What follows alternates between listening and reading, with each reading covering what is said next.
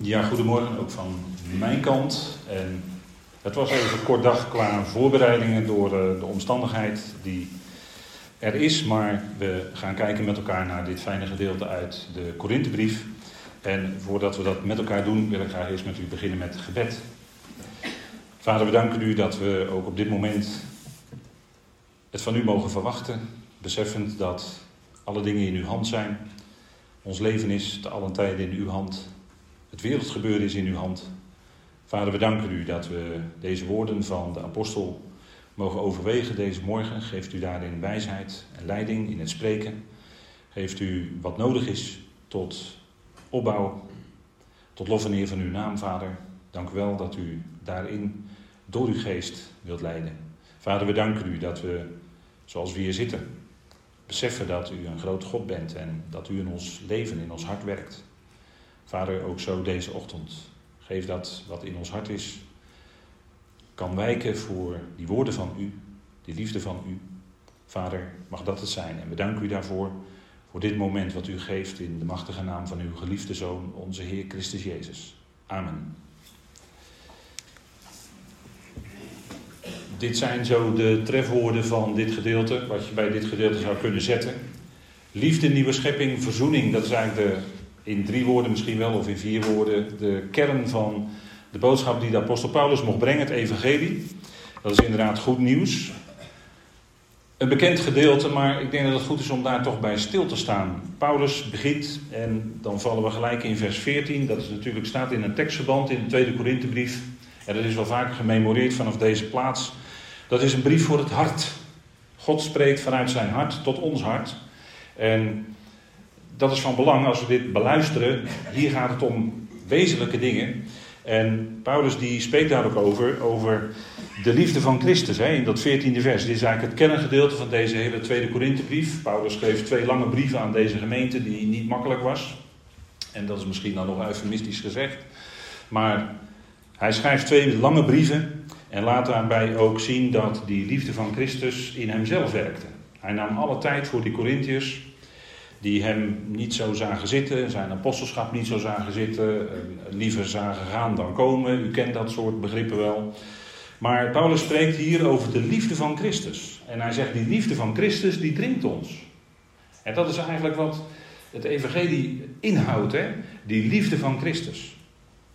En Paulus heeft het in deze brief ook vaak over, niet over de uiterlijke dingen, want eh, in, in het stukje daarvoor, de paar versen daarvoor, uh, spreekt hij over degene die roemen, maar alleen aan de buitenkant. En terwijl hij zegt, het gaat om roemen in het hart, het gaat om de binnenkant.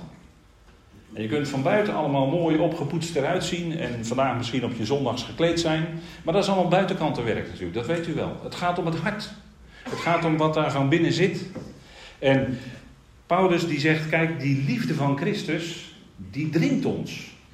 En dat woord dringen, hè, wat, wat doe je als gelovige, kun je afvragen. Wat doe je als gelovige? Dat is belangrijk. Maar dat doen, dat heeft ook een diepere laag in zich. Hè, daar zit iets achter. Wat doe je als gelovige? Natuurlijk is dat belangrijk. Wat je handen doen, waar je voeten gaan, we zingen dat ook wel. Maar wat je ja, wat je doet, dat kan allemaal nog aan de buitenkant zijn. Hè? Maar het gaat om de binnenkant. Paulus spreekt daarom over motieven. Hij spreekt hier, u ziet daar een plaatje van een menselijk hart. En dat wordt in de schrift heel vaak gebruikt als beeldspraak voor de, de innerlijke beweegredenen, de innerlijke motieven waar, waarvan uit je iets doet. En eh, een motief, dat is een beweegreden. Hè? Dat is iets wat jou in beweging zet. voor een trein, daar hang je een locomotief voor, dat, de naam zegt het al. En die zet die trein in beweging. Nou, zo is het met ons leven.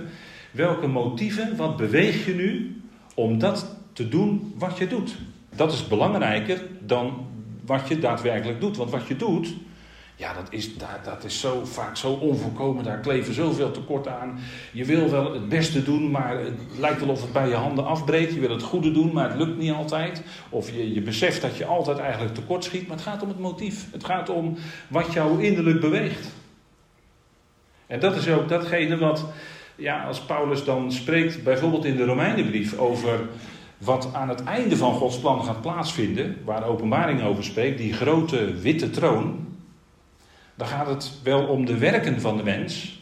Maar als je Paulus erop nastaat in Romeinen 2, dan zegt hij: het gaat er ook om met welke motieven heb je dat gedaan. Dat zal daar ook aan het licht komen. En dan heeft de mens niets meer om zichzelf achter te verschuilen. Dan gaan de coulissen opzij, dan zijn er geen gordijnen om je achter te verschuilen, geen muren, bij wijze van spreken. Nee, dat is allemaal weg. En muren weg, daar gaat dit gedeelte ook over. Als er muren wegvallen, dan is er sprake van verzoening. Paulus zegt: De liefde van Christus dringt ons. Paulus legt hier zijn motief op tafel. Daarom sprak hij die Corinthiërs aan. Daarom ging hij toch door.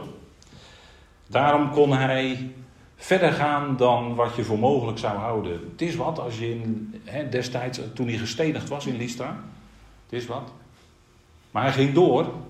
Hoe kon dat? Nou, dat staat hier. De liefde van Christus dringt mij. En, en dat dringen, dat aandringen van die liefde van Christus, dat is wat ons raakt. Hè? Dat is ons motief als gelovigen. Die liefde van Christus, die is in ons hart gekomen. Het moment dat je tot geloof kwam, werd je hart, werd je binnenste met liefde vervuld, met die geest van God vervuld. Dat is eigenlijk hetzelfde. De liefde van Christus dringt ons, zegt Paulus. Dat is zijn motief. En die liefde is niet iets eh, sentimenteels. Hè. Er zijn heel veel liedjes die worden geschreven en het draait allemaal om de liefde, maar dat is vaak toch sentimenteel. Maar die liefde van Christus, dat is iets wat krachtig is. Dat is iets wat je raakt. Dat is iets wat je, waar je ook niet meer van loskomt. Als dat je eenmaal gegrepen heeft, dan kom je er ook niet meer van los. Net zoals het geweldig is dat we tegen elkaar kunnen zeggen: Ja, God, daar kom je nooit van af. Dat is heel, heel plat gezegd, maar je, je kunt nooit werkelijk loskomen van God. Want God is liefde en hij is met die liefdebanden, met u, met jou, met mij verbonden, met die hele schepping. En die laat hij nooit los. Dat is het geweldige van God. God is degene die niet loslaat wat zijn hand begon. En dat zien we ook in hoe. Hè, dat, en dan zeg je, eh, gaat nou, dit klinkt misschien allemaal, hè, wat je net zegt, klinkt een beetje abstract. Maak dat nou eens concreet. Nou, die liefde van Christus, wat heeft Christus gedaan? Dat is concreet. Daar spreekt Paulus over in het 21ste vers. Degene die geen zonde gekend heeft, heeft God voor ons tot zonde gemaakt. Zo ver en zo diep ging die liefde. Dat is nou geconcretiseerd. Dat is nou in de praktijk wat het voor de Heer betekende. Hij die zonder zonde was. Hij werd verworpen. Hij werd vernederd. En hij ging in, in, een, in een innerlijke houding, hè, dat hebben we met de studies van de Filippenzen gezien, met die innerlijke houding van ootmoedigheid, van nederigheid, ging hij zijn weg. Ook al kost hem dat alles, het kost hem zijn hele leven. Daar, daar spreken deze versen over. Kijk, dat is die liefde van Christus geconcretiseerd in de praktijk. Dat betekent het. En dan hebben we het gelijk over het meest dringende, diepe motief. Wat jou als gelovige in beweging zet. dat is wat ons uh, aan elkaar ook bindt. Hè? De, de liturg had het vanmorgen over eh, verbinding, binden. Nou, daar spreekt dit gedeelte aan alle kanten over. Het gaat om verzoening, dat is verbinding. De liefde van Christus dringt ons. Dat is die liefde die geen, uh, niet op zichzelf gericht is. En dan, komt, kunnen gelijk, en dan komt gelijk zo'n stukje motief wat een mens kan hebben. Want de mens is van, van kleins af aan zelfgericht. Dat noemen we met een moeilijk woord egoïstisch. En die liefde van Christus, die raakt dat egoïsme in ons. En die verdrijft dat ook, want die liefde van Christus is krachtig. En die maakt, die verandert een iemand die op zichzelf gericht was, iemand die naar buiten gericht is op die ander. En voor die ander zich wil inzetten, dat wil doen uit liefde. Iets wil doen uit liefde. Zonder daar zelf beter van te worden, zonder daar zelf wijzer van te worden. Maar iets te doen uit liefde. De liefde van Christus dringt ons. En je, je, je zegt wel eens tegen elkaar, ja, kom er maar eens om. Kom er maar eens om. Om, om echte, belangeloze liefde. Liefde die zich uitzet naar die ander, die iets voor die ander wil doen, zonder motief, zonder bijbehorend motief van, nou kijk mij eens, ik doe het toch wel goed. Nou, dat zou helemaal niet ons motief zijn. Nee, de beweegreden is die liefde van Christus. En dat, dat, dat schijnt, hè, dat licht van die liefde van Christus, dat schijnt eigenlijk door dit hele gedeelte heen. En eh, ja, dat is gelijk wat. wat uh, kijk, Paulus noemt een voorbeeld in een andere brief van dat, dat gedrongen worden. Hij zegt in Filippenzen 1, vers 23, en hij was bezig in, hij was heel druk bezig als apostel. In een enorme bediening zeggen we dan, met een, eh, met een ja, dat is een beetje een jargonwoord, hè. maar in, in, in een dienst, in, in, om anderen te dienen, om er voor anderen te zijn, dat woord uit te brengen. Hij werd gedrongen en er waren er twee mogelijkheden. Het leven is mij Christus, maar als ik zou sterven is dat ook winst. En toch sprak hij zich daar niet uit. Hij werd, en dan staat er, en het is helaas wegvertaald, maar er staat: hij wordt uit die twee gedrongen naar een derde mogelijkheid. En dat is tezamen met Christus te zijn. En die pijl omhoog, u weet wat dat betekent. Dat is dat moment wat aanstaande is. Wat mij betreft. Hè. Mensen nemen dat wel eens kwalijk als je dat zegt. Dat, je dat, dat het aanstaande is. Maar ook al zou dat nog een jaar duren, of twee jaar, of vijf jaar, dan zeg ik nog dat het heel dichtbij is. En we zitten daar heel dichtbij. En Paulus keek daar al in zijn leven naar uit. Tezamen met Christus te zijn. Want hij zegt dat is verreweg het beste. En dat is die geweldige derde mogelijkheid. Hè? Hij werd uit die twee gedrongen naar de derde mogelijkheid. Dat bewoog hem. Hè? En dat is dat woord dringen. De liefde van Christus, zegt Paulus, dringt ons. En wat werkt dat uit? Wat werkte dat uit? Nou, als je kijkt in de tekstverband hier, in vers 9 bijvoorbeeld, wat Paulus zegt als een geweldig voorbeeld voor ons. Daarom stellen wij er ook een eer in, het zij inwonend, het zij uitwonend, om hem welgevallig te zijn, om hem welbehagelijk te zijn. Dat werkte het uit in zijn leven. Hij wilde voor hem leven. Die liefde van Christus in zijn hart, die werkte dat van binnen naar buiten toe uit, dat zijn leven op hem met een hoofdletter gericht is. En in vers 15 klinkt dat ook. Hè, toewijding, je wijdt je toe aan de opgestane. Als dat leven van Christus in je is, als die liefde van Hem in je is, dan wijd je je toe aan die opgestane toewijding. Als je jong bent en je volgt een studie, dan wijd je je helemaal toe om die studie tot een goed einde te brengen. Om dat diploma of dat, die master of wat dan ook te halen. Dan wijd je helemaal toe, dat, daar, daar gaan heel veel uren van je dagelijkse leven gaan daarin zitten. Je bent daar helemaal aan toegewijd om dat punt te halen, zodat je later in de maatschappij een goede plek kan krijgen. Dan ben je toegewijd. En, en Paulus spreekt hier over toegewijd zijn aan de opgestane. Want één, en dat is, ja, dat is geweldig goed nieuws, hè. Eén stierf voor allen. Wacht even, hoe, hoe kun je nu zeggen dat sterven goed nieuws is?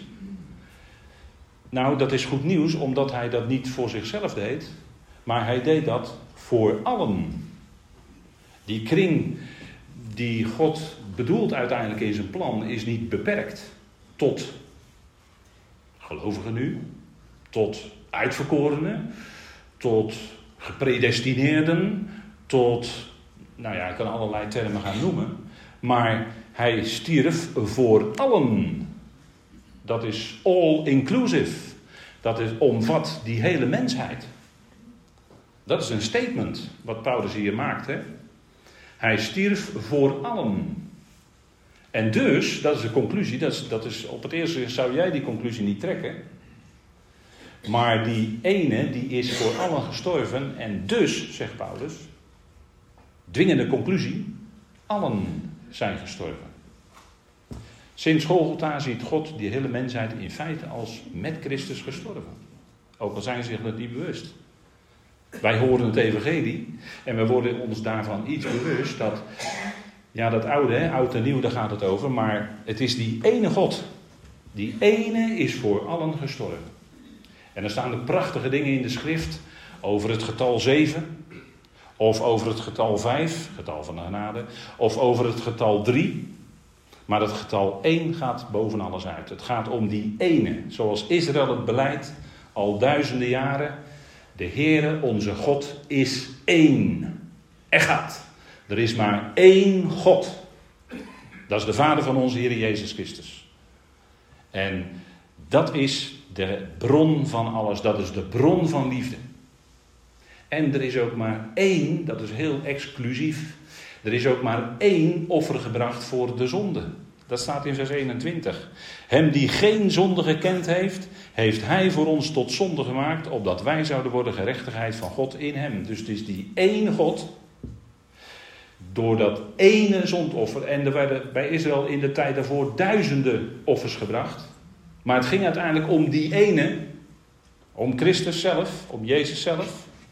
En die stierf voor allen. En dat is liefde. Dat is liefde.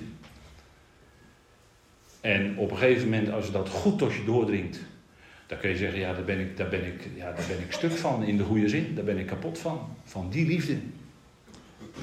Als die liefde je hart openbreekt, ja, dan vallen ook de muren van je hart weg. Hè? Want we kunnen wel eens, uh, het gaat, dit is een brief voor het hart.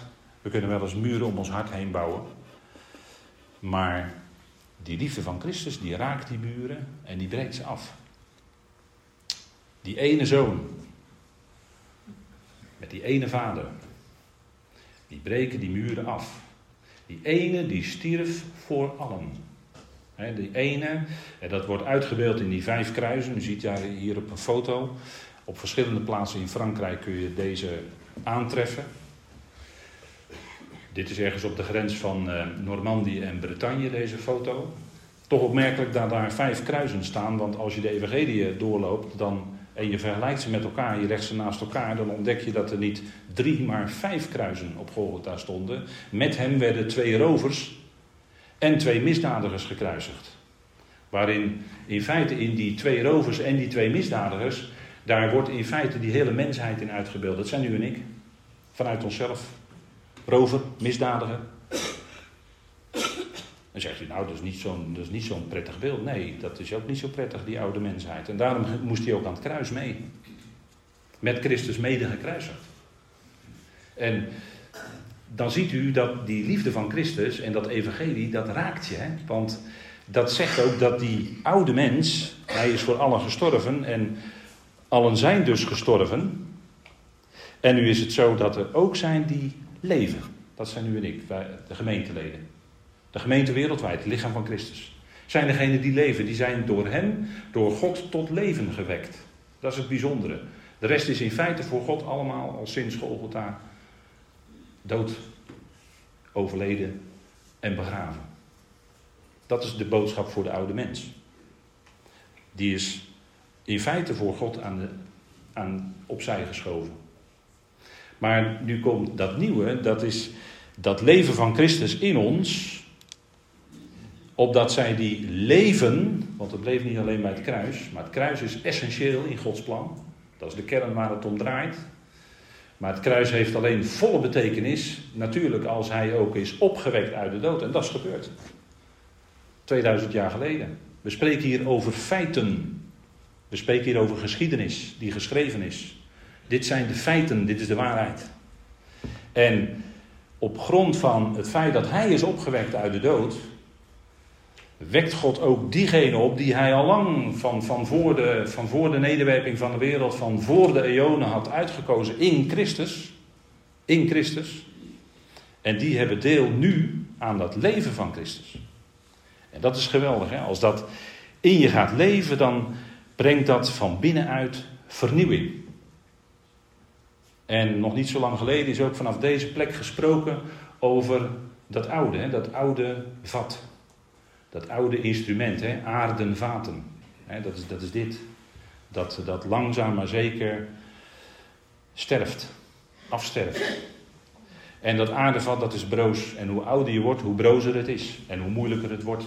En hoe meer dingen gaan uitvallen. U kent dat allemaal wel, ik hoef dat allemaal niet te gaan noemen. Daar hebben we allemaal genoeg mee te maken. En toch zegt Paulus, ook in dit vorige hoofdstuk, toch wordt ons innerlijk van dag tot dag vernieuwd. Dat is dat nieuwe leven in ons. En dat maakt het bijzonder.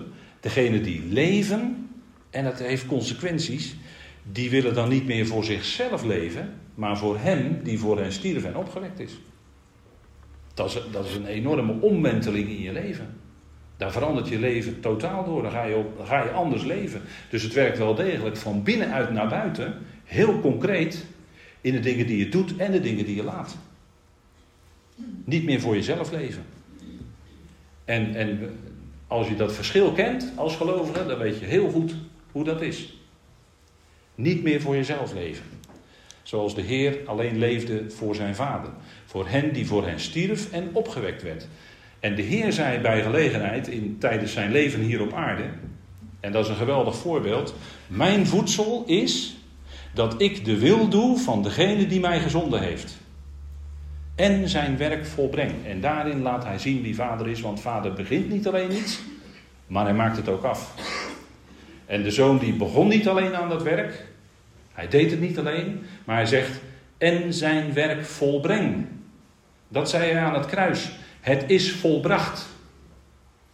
Toen was dat dienstbetoon wat hij op aarde moest doen helemaal volbracht. Toen was hij het volkomen offer voor de zonde van de hele wereld. En daarmee werd ook die zonde weggedaan. Dat is het geweldige. Hè? De zonde is weggedaan door dat zondoffer. Hij stierf en hij werd opgewekt. En het is vandaag niet Pasen, maar het is eigenlijk 365 dagen per jaar Pasen. Daar staan we het hele jaar bij stil. Hij is de opgewekte, de opgestane. Hij leeft aan Gods rechterhand en wij ervaren dat. Als je s'morgens wakker wordt, dan zeg je misschien wel iets van, zoiets van: Goedemorgen, Heer. Of ik weet niet wat u dan zegt. Maar dan spreek je met hem. In het ontwaken, als je gaat slapen. De Heer wilde dat werk doen wat Vader hem te doen had gegeven. Hij wilde die wil van God doen. En dat ging heel ver, dat ging heel diep. Maar het geweldige is dat hij werd als het ware op een missie op uitgestuurd. Hij, ging iets, hij moest iets gaan doen van de Vader. En hij maakte het ook af. Hè? En zijn werk volbreng. Hij maakt het ook af. En dat is wat hij doet. Hij redt ook niet alleen de gemeente, het lichaam van Christus. Maar uiteindelijk redt hij allen. Hij maakt het werk af. En dat is de overwinning die klinkt ook in deze Korinthebrief. Ondanks de smaad, ondanks de lasten die Paulus over zich heen kreeg, ondanks de geestelijke stenen die naar zijn hoofd gegooid werden, ondanks, vult u het maar in. Hij noemt een hele rij in 2 Korinthe 11. En had een doorn in zijn vlees. Dat was omdat hij enorme dingen mocht bekendmaken. Hij gebruikt in, in, in zijn brieven gebruikt hij vaak het woord bovenmate. Iets wat boven de normale maat uitgaat. Iets wat meer is dan het gewone of meer is dan wat al verkondigd was. Hij kreeg zoveel te onthullen dat hij zich makkelijk zou kunnen verheffen als mens. Van kijk mij eens, ik weet het allemaal, ik ken alle geheimenissen enzovoort. Hij kreeg het doorn in zijn vlees. En er staat er twee keer bij in dat vers, opdat hij zich niet al te zeer zou verheffen. Dus Paulus leed terwijl hij die geweldige boodschap bracht en toch ging die door. Dat was die liefde van Christus die hem drong. Vanaf nu, zegt Paulus in vers 16, zodat wij vanaf nu met niemand vertrouwd zijn in overeenstemming met het vlees. En dat woord van nu af aan, in uw vertaling staat eh, misschien alleen het woord nu of vanaf nu. En dat, dat duidt op een scheidslijn. Vanaf dat moment, Paulus maakt hier iets bijzonders bekend. En vanaf dat moment loopt er een scheidslijn. Hij zegt, we zijn vanaf nu met niemand meer vertrouwd naar het vlees. Wat betekent dat? Wat betekent dat? Dat zijn misschien wel lastige woorden, maar kijk, het vlees werd, hij stierf op Golgotha, het vlees werd daar afgesneden. En dat betekent dat, dat heeft consequenties. Daar is Paulus mee bezig in deze vers. Hè. Dat heeft enorme gevolgen afkomst of je geboorte, waar je geboren bent, of je iemand uit de natie bent, of dat je iemand uit het Joodse volk, uit Israël bent, opvoeding, je, of je religieuze opvoeding, eh, de besnijdenis, etc. Daar zou je allemaal op kunnen beroemen. Dat je, dat je in een bepaalde setting geboren bent, of in een bepaalde familie, of in een bepaalde stad zelfs. Hè. Sommigen beroemen zich zelfs daarop. Ik ben geboren en getogen in, of ik woon in, en daar beroemen ze zich op. En eigenlijk wat het evangelie doet is, en dat raakt ons dus, dat raakt ons hart. Met een D en met een T, ja, allebei. Wij vertrouwen niet langer op vlees. Vandaar vertrouwen op vlees, daar zet Paulus hier netjes een streep door. In, met name in de tweede Korinthebrief. Want die Corinthiërs waren net mensen. Ze roemden op vlees. Kijk mij eens, ik heb de beste gave, ik heb de beste profetie, ik heb de beste dit of dat. Dat is allemaal roemen op vlees. En Paulus haalt daar een streep doorheen. Daar valt niet op te roemen in het licht van het kruis. En je, nou, dat is wel allemaal wel somber hoor. Maar die, het, het geweldige is, dat is helemaal niet somber. Het geweldige is dat dat nieuwe leven juist in ons werkt. Wij zijn in Christus, en dat zegt hij ook, een nieuwe schepping. Hè? Het is voorbij. Daar was Paulus in de eerste Korinthe, gaf, gaf, 1 Korinthe gaf hij daar al aanzetten toe. Gaven die met dingen van het vlees te maken hebben, zoals krachten, genezingen, tongentaal. In feite is dat voorbij in de nieuwe schepping, want dat hoort bij de oude. In feite. En dat is moeilijk. Hè? Eh, lichamelijke genezing. Als je ziek bent, dan wil je niets liever dan dat je genezen wordt. Maar het gebeurt niet in, deze tijd.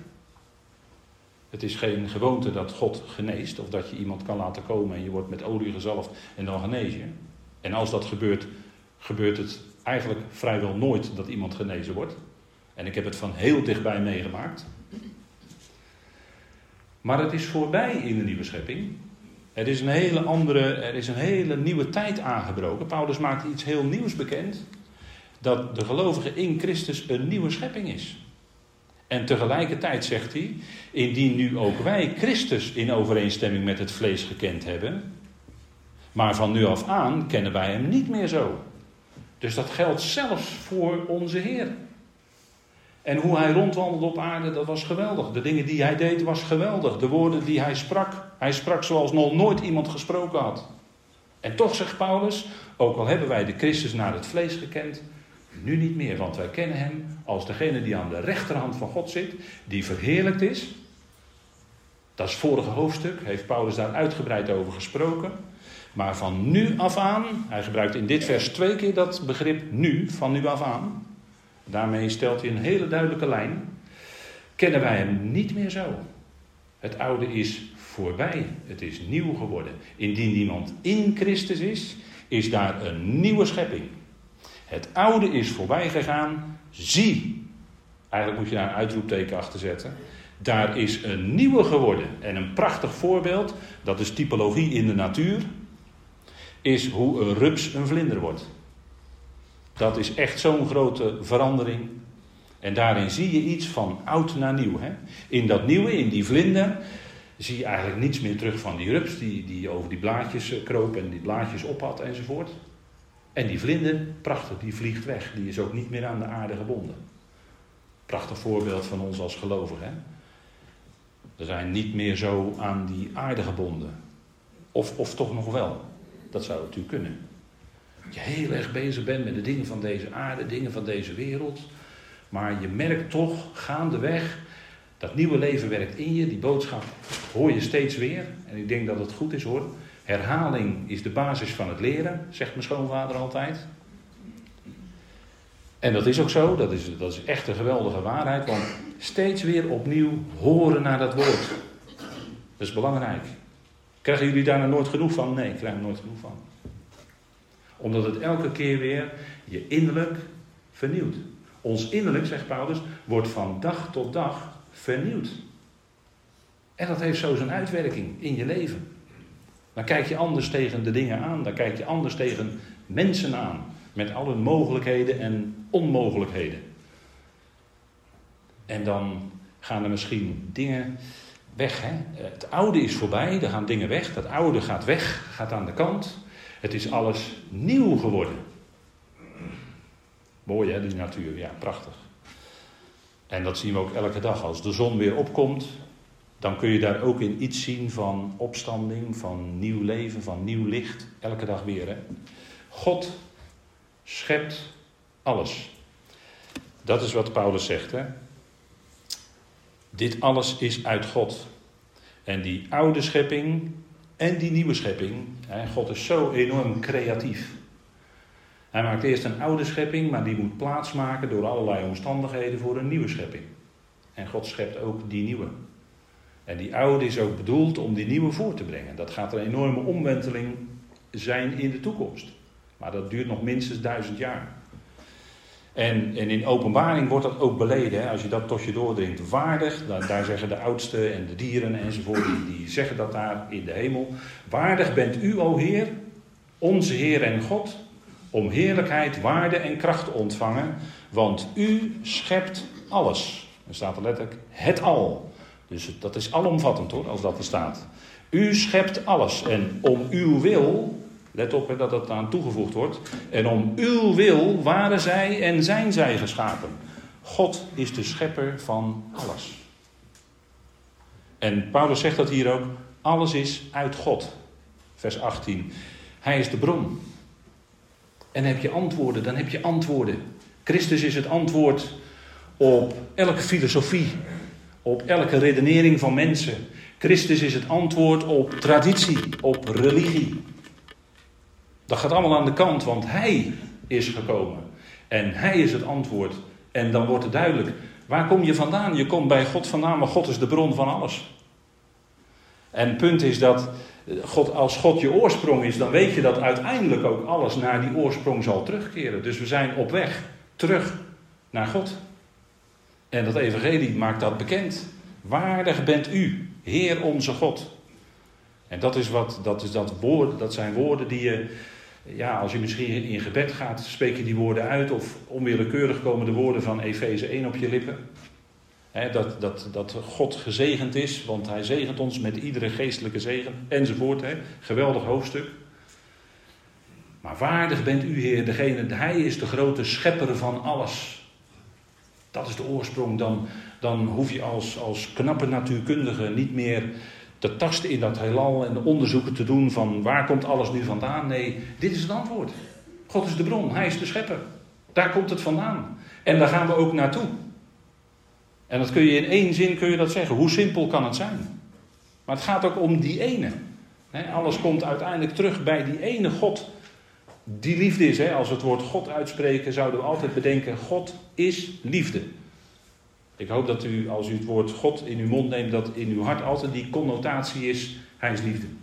En wat Hij doet. Want dat wordt ook in openbaring gezegd. Later, dan zegt de boodschapper in openbaring 10, die daar spreekt, die zegt dan dat eh, God degene is om wiens wil alles in de hemelen en in de aarde geschapen is. En daar ook is. Dat is om zijn, om zijn wil.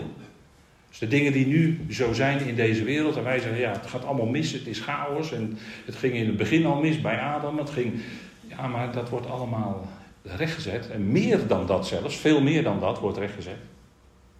En uiteindelijk ga je zien, als je Gods woord erop naslaat, dat het allemaal past in zijn plan. En, en de kortste, ja, het, kortste is uh, toch eenvoudig, hè? Het al is uit God. Alles is uit God. Alles komt uit die ene voort en keert weer naar hem terug. Daar zijn krachten voor aan het werk, zijn geest is daarvoor aan het werk. En daar is niet aan te ontkomen. Gelukkig niet, God zij dank niet. Daar kun je niet aan ontkomen aan zijn liefde. En liefde laat nooit degene gaan voor altijd. Dat is onmogelijk. Dat is onmogelijk. En dat is niet een filosofie, dat is niet een redenering, maar dat is wat God in zijn woord bekend maakt. God maakt zijn werk af. Hij laat je niet los.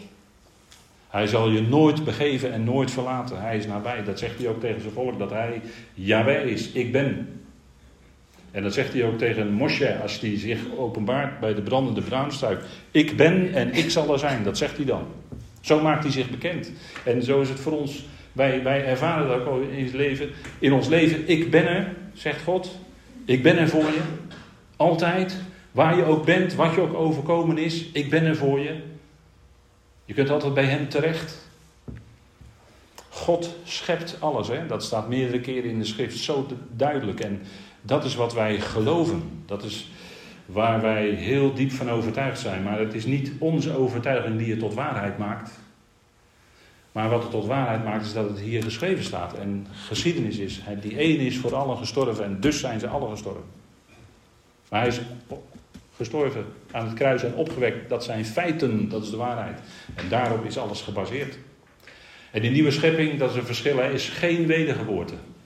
Als je dat ook na die, die gedeelten met elkaar vergelijkt, hè, Johannes 3 en dit gedeelte, dan zijn daar diepgaande verschillen.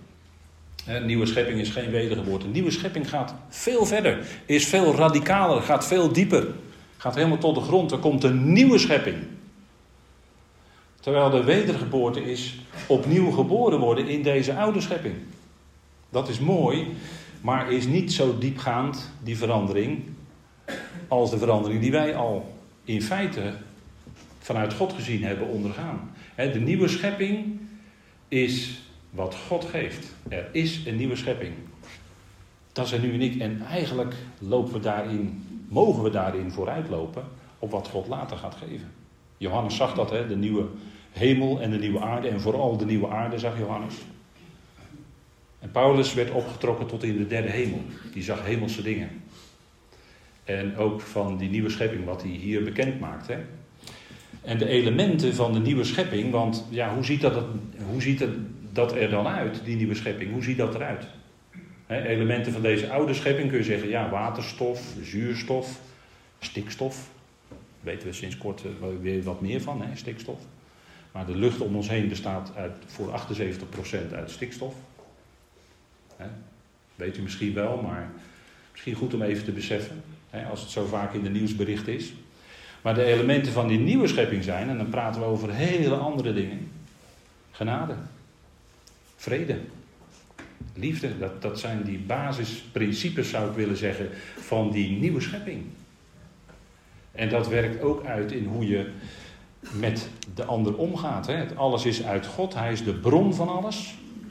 Gods scheppingswerk komt naar voren, Gods verzoeningswerk komt naar voren. Dat is eigenlijk een fantastisch gedeelte, hè, dit eigenlijk zo, de, is zo geladen, er wordt zoveel in gezegd. Maar kijk, het gaat om verzoening. God verzoent ons met zichzelf, hebben we gelezen. En God was in Christus, niet alleen ons, maar zelfs de wereld, verzoenend met zichzelf. God was in Christus, de wereld, verzoenend met zichzelf. En dus dat woord verzoening, dat, dat, dat wijst eigenlijk op een verandering. En hoe werkt dat dan in de praktijk? Nou, als twee vijandige partijen veranderd worden, allebei, dan kunnen ze tot elkaar komen en dan kunnen het weer vrienden van elkaar worden. Door de verzoening treedt verandering op. Vijanden van elkaar worden weer vrienden, gaan weer vriendschappelijk met elkaar om. En zo kunnen we ook naar die ander kijken die zich misschien vandaag de dag nog vijandig tegen ons opstelt, omdat je gelooft. Maar je kunt diegene toch zien als toekomstige vriend, omdat je weet wat God gaat doen met die ander. Verzoening, dat is verandering. Verzoening gaat veel verder dan de bedekking. Hè. Dat is wat in Tenach bekend werd gemaakt bij, de, bij het verzoendeksel. Wordt, wordt verzoendeksel genoemd, maar eigenlijk ging het daar om bedekking. Er werd bloed gesprengd, maar eigenlijk was dat bedekking of bescherming. En dat moest elk jaar weer gebeuren door de hoge priester. Maar verzoening gaat veel verder. Verzoening is eenmalig geweest en daar sprak in feite wel in type de dienst in de tabernakel van. Maar verzoening is op Golgotha bewerkt. God verzoent ons met zichzelf door Christus. Hij is het middel. God werkt zijn plannen uit altijd door Christus. God is de bron en de zoon is de vader, is de bron en de zoon is het kanaal waardoor God werkt. God verzoent ons met zichzelf. Dat betekent dat alle barrières. We zongen vanmorgen over de muren van Jericho. er werd dertien keer omheen gelopen en toen juichte het volk en toen werd er op het bazuin geblazen en al die muren die donderden in elkaar. Alle barrières waren weg en Jericho kon ingenomen worden. Dat is ook zo'n geschiedenis, hè? Dat is ook zo echt zo gebeurd. Dat is echt zo gebeurd. Dat is aangetoond door archeologische vondsten dat het zo gegaan is. Dus wat Gods woord ons vertelt over de geschiedenis is betrouwbaar, dat wil ik daarmee zeggen. Maar God verzoent. Dat is die verandering. Hè? Hij verzoent ons met zichzelf. Dan is er niets meer tussen God en u en mij. Want het is niet alleen, hè? God verzoent ons, dan kun je zeggen, ja dat is verticaal, maar het werkt ook horizontaal uit. Het gaat om die kern, hè? God geeft ons de bediening van de verzoening en God plaatst in ons het woord van de verzoening. Twee facetten die met verzoening te maken hebben. Verzoening. Barrières vallen weg. Vijanden worden weer vrienden. En dat is niet goedkoop. Maar dat is kostbaar, hè? Vanuit God die verzoening in je leven doorwerken naar die ander toe. En dan kan het zijn dat daardoor de muren die misschien om je hart heen waren, of moet ik zeggen soms nog zijn, worden daardoor afgebroken. Net zoals die muren van Jericho. Die vielen in één, keer, raasden die naar beneden op één dag, op één moment. En dat is wat de liefde van Christus, dat, daar, daar begon het vandaag mee. Hè? De liefde van Christus, die raakt ons. En die raakt ons hart. Want het breekt af in ons wat bij die oude mens hoort. Het breekt onze hoogmoed af. Het breekt onze eigendunk af. Het breekt onze egoïsme af. Het breekt ons. Zo raakt die liefde van Christus ons. En zo werkt dat door in verzoening. Verzoening is dat je, dat je houding verandert. Omdat je weet hoe Gods houding is nu naar de mensheid toe. Is een houding van uitgestrekte handen, open handen, verzoening. Ik ben, je bent verzoend. En dat zegt Paulus ook, namens Christus smeken wij jullie. En dat is eigenlijk wat, wat God door, dan door de apostel heen doet. Namens Christus smeken wij jullie. Wees verzoend met God. In je vertaling staat misschien laat je met God verzoenen. Wees verzoend met God. Dank Hem voor de verzoening en de genade die Hij in Christus al geschonken heeft. Je hoeft er niks voor te doen. Christus maakt een einde aan alle religie. Je hoeft er niks voor te doen. Maar het is genade. Het is om niet. Wees verzoend. En misschien zijn er allerlei dingen waarmee je God verwijten maakt. Over dingen die gebeurd zijn in je leven, in uw leven. Dingen die moeilijk zijn, dingen die schuren, dingen die pijn doen, die misschien wel dagelijks pijn doen bij je. En dat kan op een gegeven moment toch een beetje tussen jou en God inkomen te staan. Kan. Maar God is liefde. En hij werkt door. En er zal zeker een moment komen, ook al begrijpen we hem nu niet, maar er zal zeker een moment komen dat we het gaan zien. Ja, vader, nu zie ik het hele plaatje. Nu zie ik, overzie ik de hele weg achteraf. U laat het me zien. Het was toch uw liefde. Het is niet makkelijk, wat Paulus zegt, alles is uit God.